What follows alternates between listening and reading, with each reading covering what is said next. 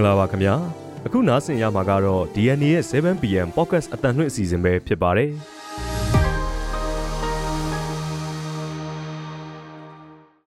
ဒီကနေ့နိုဝင်ဘာလ9ရက်နေ့ရဲ့ podcast အတန်လွှင့်အစီအစဉ်မှာတော့နှစ်ပတ်ပြည့်1227စစ်စင်ရေးနဲ့တိမ့်ပိုက်ခံနေရဆဲစစ်စခန်းများအကြောင်း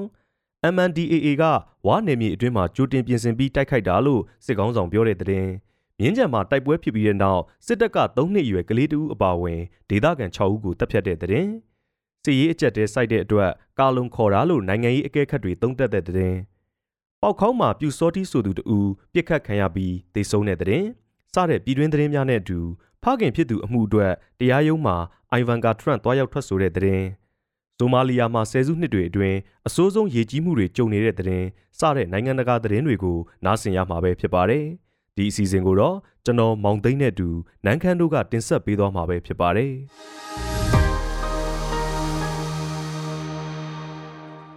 အခုပြည်တွင်းသတင်းတွေကိုတင်ဆက်ပေးပါမယ်ရှင်ပထမဦးဆုံးပြောပြချင်တဲ့အကြောင်းကတော့နံပါတ်ပြည့်1027စစ်စင်ရေးနဲ့တိမ့်ပိုက်ခံနေရဆဲစစ်စခန်းများဆိုတဲ့အကြောင်းပါရှမ်းမြောက်တခွင်မှာအောက်တိုဘာလ29ရက်ကစတင်ခဲ့တဲ့ညီနောင်မဟာမိတ်၃ဖွဲ့ရဲ့ထိုးစစ်ဟာဒီကနေ့မှာနံပါတ်တီတီပြည့်ပြီဖြစ်ပါတယ်။ဒီအတော်အတွင်းမဟာမိတ်တပ်တွေကစစ်ကောင်စီရဲ့စခန်းကြီးငယ်ပေါင်း150ကျော်ကိုသိမ်းပိုက်ခဲ့ပြီးပါပြီ။ အဲ့ဒီစခန်း150ကျော်ထဲကအများစုကို MNDAA ဥဆောင်တဲ့မဟာမိတ်တပ်တွေကတရုတ်မြန်မာနှစ်နိုင်ငံနယ်စပ်တလျှောက်ဒေသတွေမှာတိမ့်ပိုက်ခဲ့တာဖြစ်ပြီး TNLA ဥဆောင်တဲ့မဟာမိတ်တပ်တွေကလည်းမန်တုံနန်ခမ်းလာရှိုးသိန်းနီစတဲ့ TNLA တပ်တွေလှုပ်ရှားရာဒေသတွေမှာစခန်းသိမ်းတိုက်ပွဲတွေဖော်ဆောင်ခဲ့တာပါ။နပတ္တာကာလာရှမ်းမြောက်ထိုးစစ်တိုက်ပွဲတွေအတွင်းမဟာမိတ်တပ်တွေကစစ်ကောင်စီရဲ့လက်နက်ခဲယမ်းအများအပြားကို သိမ်းယူနိုင်ခဲ့တဲ့အထက်လေရင်ပစ်ဆက်တနက်နဲ့လက်နက်ကြီးတွေပါဝင်သလိုတန်ချက်ကကားလဲရှစ်စီအထိသိမ့်ပိုက်ဖြစ်စီခဲ့တယ်လို့ဆိုပါတယ်။ဒီကနေ့မနက်ပိုင်းကလည်းနှောင်ချိုမြို့နယ်အုံမခါရွာအနီးမှာစစ်ကောင်စီရဲ့စစ်ကူရင်တန်းကို TNL နဲ့ Mandalay PDF ပူးပေါင်းတပ်ကတိုက်ခိုက်ရမှာတန်ချက်ကကား၃စီးတဲကတစည်းပြက်စီးပြီးတော့ကျန်တဲ့နှစ်စီးနဲ့စစ်ကူတပ်တွေကတော့ပြန်ဆုတ်သွားတယ်လို့ဒေါ်လာရေးတပ်တွေကအတီးပြုတ်ပြောဆိုထားပါတယ်။ တိုက်ပွဲတွေအတွင်းသိမ်းဆည်းနိုင်ခဲ့တဲ့တန်ချက်ကကားတွေကိုပြန်အသုံးပြုနိုင်ဖို့ပြင်ဆင်နေပြီးတချို့ကိုတော့လက်ရှိမှာပြန်လည်အသုံးပြုနေနိုင်ပြီလို့ MNDAA ပြောရေးဆိုခွင့်ရှိသူလီဂျာဝင်းက DNA ကိုပြောထားပါတယ်။ကိုကန်တက် MNDAA အနေနဲ့မနေ့ကအထိတရုတ်မြန်မာနယ်စပ်ကချင်းရွှေဟော်ဖောင်းဆိုင်ကျူကုတ်ပန်ဆိုင်မုံကိုစတဲ့မြို့တွေကိုတိမ့်ပိုက်ထိန်းချုပ်နိုင်ပြီလို့အသိပေးချပါတယ်။ စစ်ကောင်စီကတော့လက်ရှိအချိန်အထိမဟာမိတ်တပ်တွေရဲ့ထိုးစစ်ကိုဆက်လက်ခုခံနေရပြီးမဲ့လိုအပ်တဲ့တုံ့ပြန်မှုတွေလုပ်မယ်လို့မနေ့ကနေပြည်တော်မှာပြုလုပ်ခဲ့တဲ့ကာလုံအစည်းအဝေးမှာပြောဆိုထားပါတယ်။ဒုတိယသတင်းတပုတ်အနေနဲ့ MNDAA ကဝါနယ်မြေအတွင်းမှာကြိုတင်ပြင်ဆင်ပြီးတိုက်ခိုက်တာလို့စစ်ကောင်းဆောင်ပြောတဲ့အကြောင်းကိုပြောပြပေးပါမယ်။ စစ်ကောင်စီထိန်းချုပ်ထားတဲ့မြို့နယ်စစ်စခန်းတွေဇက်တိုက်သိမ်းပိုက်ခံနေရတဲ့1227စစ်စင်ရေးမစတင်မီကိုကန့်တက် MNDAA တပ်ဖွဲ့ဟာဝါနယ်မြေထဲမှာကြိုတင်ပြင်ဆင်မှုတွေလုပ်ခဲ့တာလို့အာနာသိန်းစစ်ကောင်းဆောင်ကပြောပါတယ်။ဝါတပ်ဖွဲ့ UWSA ကတော့ညီနောင်မဟာမိတ်တပ်တွေရဲ့ထိုးစစ်နဲ့ပတ်သက်လို့သူတို့အနေနဲ့ပါဝင်ပတ်သက်မှုမရှိသလိုကြီးချောင်းကဖြစ်စေလေချောင်းကဖြစ်စေနယ်မြေကျော်လာရင်လဲတိုက်ထုတ်မယ်လို့ထုတ်ပြန်ထားတာပါ MNDAA ရဲ့အဓိကအင်အားတွေဟာအော်တိုဘာလ28ရက်မှာဝါဒေတာနဲ့ချင်းရွှေရော်ကိုဆက်သွယ်ထားတဲ့နမ်တစ်တရာကနေချင်းရွှေရော်ဘက်ဖြတ်ဝင်လာပြီးတိုက်ခိုက်ခဲ့တာလို့မနေ့ကပြုလုပ်တဲ့ကာလုံအစည်းအဝေးမှာအာနာသိန်းစစ်ကောင်ဆောင်ကပြောပါတယ်။ဒါပေမဲ့ဒီလိုအခြေအနေနဲ့ပတ်သက်လို့စစ်ကောင်းဆောင်ကဝါတပ်ဖွဲ့ကိုတော့ UDP ပြစ်တင်ပြောဆိုထားတာမတွေ့ရပါဘူး။လောက်ကင်နဲ့ချင်းရွှေရော်ဒေသကစခန်းတွေဟာစစ်စင်ရေးစခန်းတွေမဟုတ်ဘဲနယ်မြေလုံခြုံရေးဆောင်ရွက်တဲ့စခန်းတွေသာဖြစ်တယ်လို့အဲ့ဒီဒေသတွင်းကစစ်စခန်းအများပြလက်လွတ်ထားရတဲ့စစ်ကောင်းဆောင်ကပြောပါတယ်။ ဒီထိုးစစ်နဲ့ပတ်သက်လို့စစ်ကောင်းဆောင်က MNDAA နဲ့ TNL တပ်ဖွဲ့တွေကိုအဓိကအပြစ်တင်ပြောဆိုထားတာတွေ့ရပြီးသူတို့နဲ့အတူ KIA, AA နဲ့ PDF အမိခံအဖွဲ့တွေပါဝင်ခဲ့ကြတယ်လို့ဆိုပါတယ်။ဆက်လက်ပြီးပြောပြချင်တဲ့အကြောင်းကတော့ညင်းချံမှာတိုက်ပွဲဖြစ်ပြီးတဲ့နောက်စစ်တပ်က3နှစ်အရွယ်ကလေးတဦးအပါအဝင်ဒေသခံ6ဦးကိုတပ်ဖြတ်တယ်ဆိုတဲ့အကြောင်းပါမန္တလေးတိုင်းမြင်းချံမြို့ပြရွာကိုနိုဝင်ဘာလ9ရက်မှာ စစ်ကောင်စီတပ်ကဝင်ရောက်မိရှို့ခဲ့တယ်လို့3နှစ်အရွယ်ကလေးတဦးနဲ့15နှစ်အရွယ်လူငယ်တဦးအပါအဝင်အယက်သား6ဦးကိုလည်းတပ်ဖြတ်ခဲ့တယ်လို့အဲ့ဒီမြို့နယ်ပြည်သူ့ကာကွယ်ရေးအဖွဲ့တာဝန်ခံက DNA ကိုပြောပါတယ်။ပြားရွာနဲ့ပဲကြီးခင်းရွာကြားမှာနိုဝင်ဘာလ9ရက်မနက်ပိုင်းကတိုက်ပွဲဖြစ်ပွားခဲ့ပြီးတဲ့နောက်စစ်ကောင်စီတပ်သားတွေကပြားရွာအတွင်းကိုဝင်ရောက်ပြီးနေအိမ်30ကျော်ကိုမိရှို့ခဲ့ပြီးတော့ဒေသခံတွေကိုတပ်ဖြတ်ခဲ့တာလို့ဆိုပါတယ်။ စစ်ကောင်စီတပ်သားတွေဟာရွာမြောက်ကကွန်းချံတွေကိုမိရှို့ပြီးဝင်လာတယ်လို့မြင်းချံမြို့ကနေဖိုဝီကားနစီနထိုးကြီးမြို့ကလိုက်ထွက်ကားတစ်စီးနဲ့စစ်ကူဖြည့်ပြီးတော့ရွာအရှိဘက်ကကွန်းချံတွေဘက်ကပတ်ကတွေ့တဲ့သူတွေကိုလည်းပြစ်ခတ်တပ်ဖြတ်သွားတာလို့မြင်းချံပကဖတာဝန်ခံကပြောပါတယ်။ဒါအပြင်စစ်ကောင်စီတပ်က အဲ့ဒီကြေးရွာက15နှစ်အရွယ်လူငယ်တဦးအပါအဝင် စုစုပေါင်းလူငယ်9ဦးကိုဖမ်းဆီးပြီးတော့ပုံစံအမျိုးမျိုးနဲ့တပ်ဖြတ်ခဲ့ပြီးအဲ့ဒီကြေးရွာထဲမှာပဲအလောင်းတွေစုပြုံမြုပ်နှံခဲ့သေးတယ်လို့ဆိုပါတယ်။စကောင်စီတပ်ဟာစစ်ကြောင်းထိုးပြီးရွာထဲကနေဒေသခံ3ဦးနဲ့ကွန်းချံတဲနာပုံးနေသူ2ဦးစုစုပေါင်း9ဦးကိုအဲ့ဒီကွန်းချံတဲရဲ့တောင်ဖက်နားမှာတပ်ဖြတ်သွားခဲ့တာလို့ပကဖတာဝန်ရှိသူကဆက်ပြောပြပါတယ်။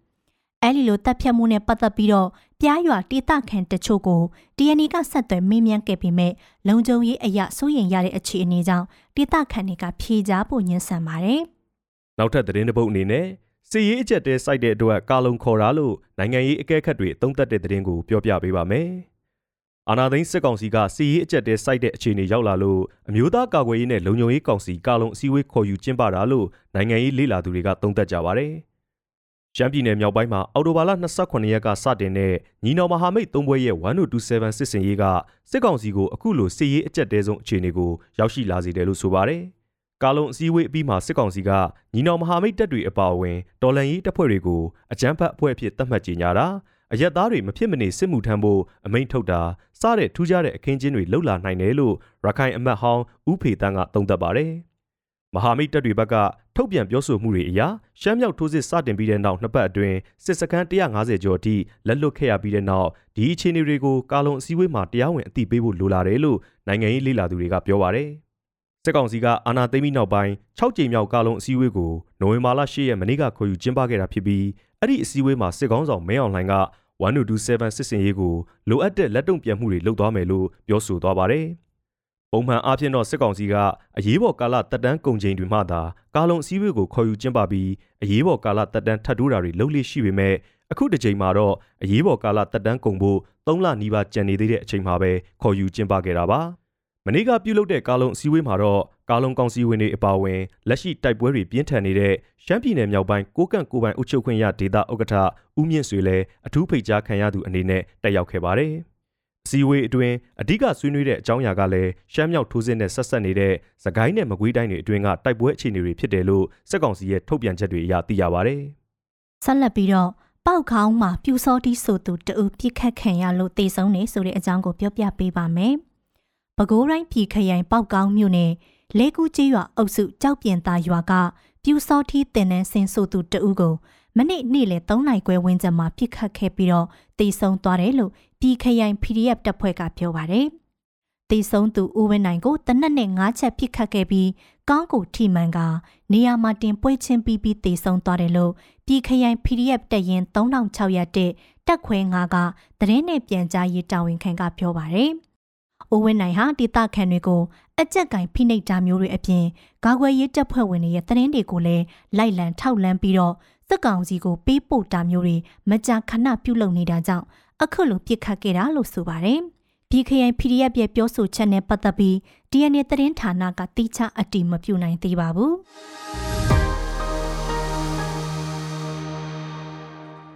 ဆက်လက်ပြီးတော့နိုင်ငံတကာသတင်းတွေကိုတင်ဆက်ပေးပါမယ်ရှင်။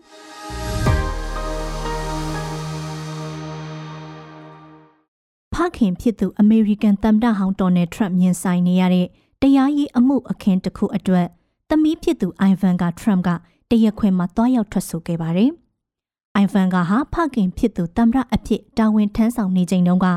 အိမ်ဖြူတော်မှာအစိုးရရဲ့အတိကအကြံပေးအရာရှိတဦးအဖြစ်တာဝန်ယူခဲ့ပူပါတယ်။နိုဝင်ဘာလ10ရက်ကတော့နယူးယောက်မြို့ကတရားရုံးကိုအိုင်ဗန်ကာကထရမ့်ရဲ့ရှေ့နေအဖွဲ့နဲ့မရှိမနှောင်ရောက်ရှိလာခဲ့ပါတယ်။အိုင်ဗန်ကာဟာ Trump Organization နဲ့ဆက်နွယ်တဲ့ငွေကြီးအရှုပ်အထွေးဆွဆွဲချက်တွေမှာတရလိုဖက်ကခုခံတာမျိုးမဟုတ်ပဲတက်တီတူးအနေနဲ့သာထွက်ဆိုခဲ့တာဖြစ်တယ်လို့တရားရုံးနဲ့နှီးဆက်သူတွေကပြောပါတယ်။2019မှာ Trump Organization ကနေနှုတ်ထွက်ခဲ့တဲ့ Ivan ကာကို Trump ရဲ့ရှေ့နေ Jesus Suarez ကငွေကြေးမှတ်တမ်းတွေပေးပို့တာပြပြင်ဆင်တာဆန်းစစ်တာတွေလုပ်ဖူးသလားဆိုတာကိုတရက်ခွင်မှာမေးမြန်းခဲ့ပြီးတော့အိုင်ဗန်ကာကမလုပ်ဖူးကြောင်းဖြေကြားခဲ့ပါတယ်။ အခုအမှုမှာသူဟာထရတ်မိသားစုဝင်တွေကပထမဆုံးတရားရုံးကိုလာရောက်ထွက်ဆိုသူလေးဖြစ်လာပါတယ်။နယူးယောက်ပြည်နယ်အစိုးရရှေ့နေချုပ်လက်စတီရှာဂျိမ်းစ်ကတော့အိုင်ဗန်ကာဟာဖခင်အကိုတွေနဲ့သူကိုယ်တိုင်အတွက်အရှုပ်အထွေးဖြစ်မဲ့ချီးငွေတွေညှိနှိုင်းမှုတွေကိုကင်တွယ်ခဲ့တာသိကြကြောင်းတရားရုံးပြင်ပမှာသတင်းထောက်တွေကိုပြောပါတယ်။အသက်42နှစ်အရွယ်အိုင်ဗန်ကာဟာစီးပွားရေးလုပ်ငန်းရှင်တူအဖြစ်ရပ်တည်ခဲ့ပြီးမြဲဖခင်ဖြစ်သူက ရွေးကောက်ပွဲဝင်ဖို့ဆုံးဖြတ်လိုက်ချိန်မှာနိုင်ငံရေးနယ်ပယ်တွေကိုခင်ပွန်းဖြစ်သူဂျရက်စ်ဂူနာနဲ့အတူဝင်ရောက်လာခဲ့တာဖြစ်ပါတယ်။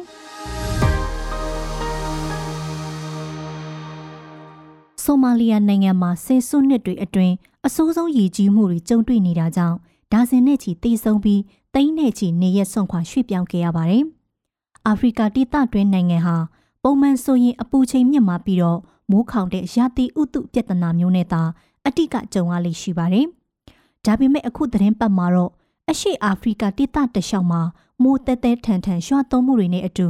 ဆိုမာလီယာကမြို့ရွာအတော်များများမှာရေကြီးတဲ့ပြဿနာကိုကြုံနေရတာပါ။နိုဝင်ဘာလ10ရက်မှာနိုင်ငံရဲ့သဘာဝဘေးအန္တရာယ်ဆိုင်ရာစီမံခန့်ခွဲရေးအေဂျင်စီရဲ့ထုတ်ပြန်ချက်အရရေကြီးမှုတွေကြောင့်29ဦးထပ်မံတေဆုံးပြီး3သိန်းကျော်ရွှေ့ပြောင်းခဲ့ရကြောင်းသိရပါတယ်။ agency အကြီးအကဲဟက်ဆန် IC က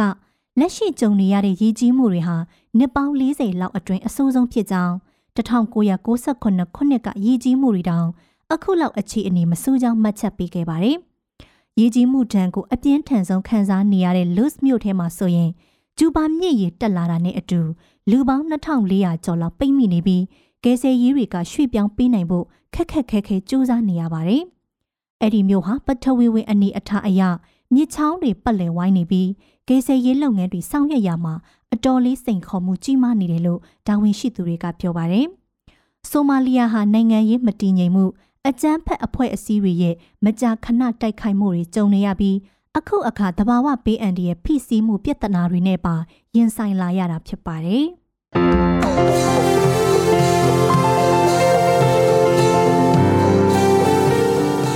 ဒီအန်ရဲ့ podcast အတန်လွင့်အစီအစဉ်ကိုအပတ်စဉ်တနင်္လာနေ့ကနေတောက်ကြနေ့ည9:00နာရီတိုင်းမှာတင်ဆက်ပေးသွားမှာပဲဖြစ်ပါတယ်။ဒီအစီအစဉ်ကိုတော့ DNA ရဲ့ Facebook Page ကနေအပြင် Anchor, Spotify နဲ့ Google Podcast တို့တွေကနေတဆင့်လဲနားဆင်နိုင်ပါတယ်ခင်ဗျာ။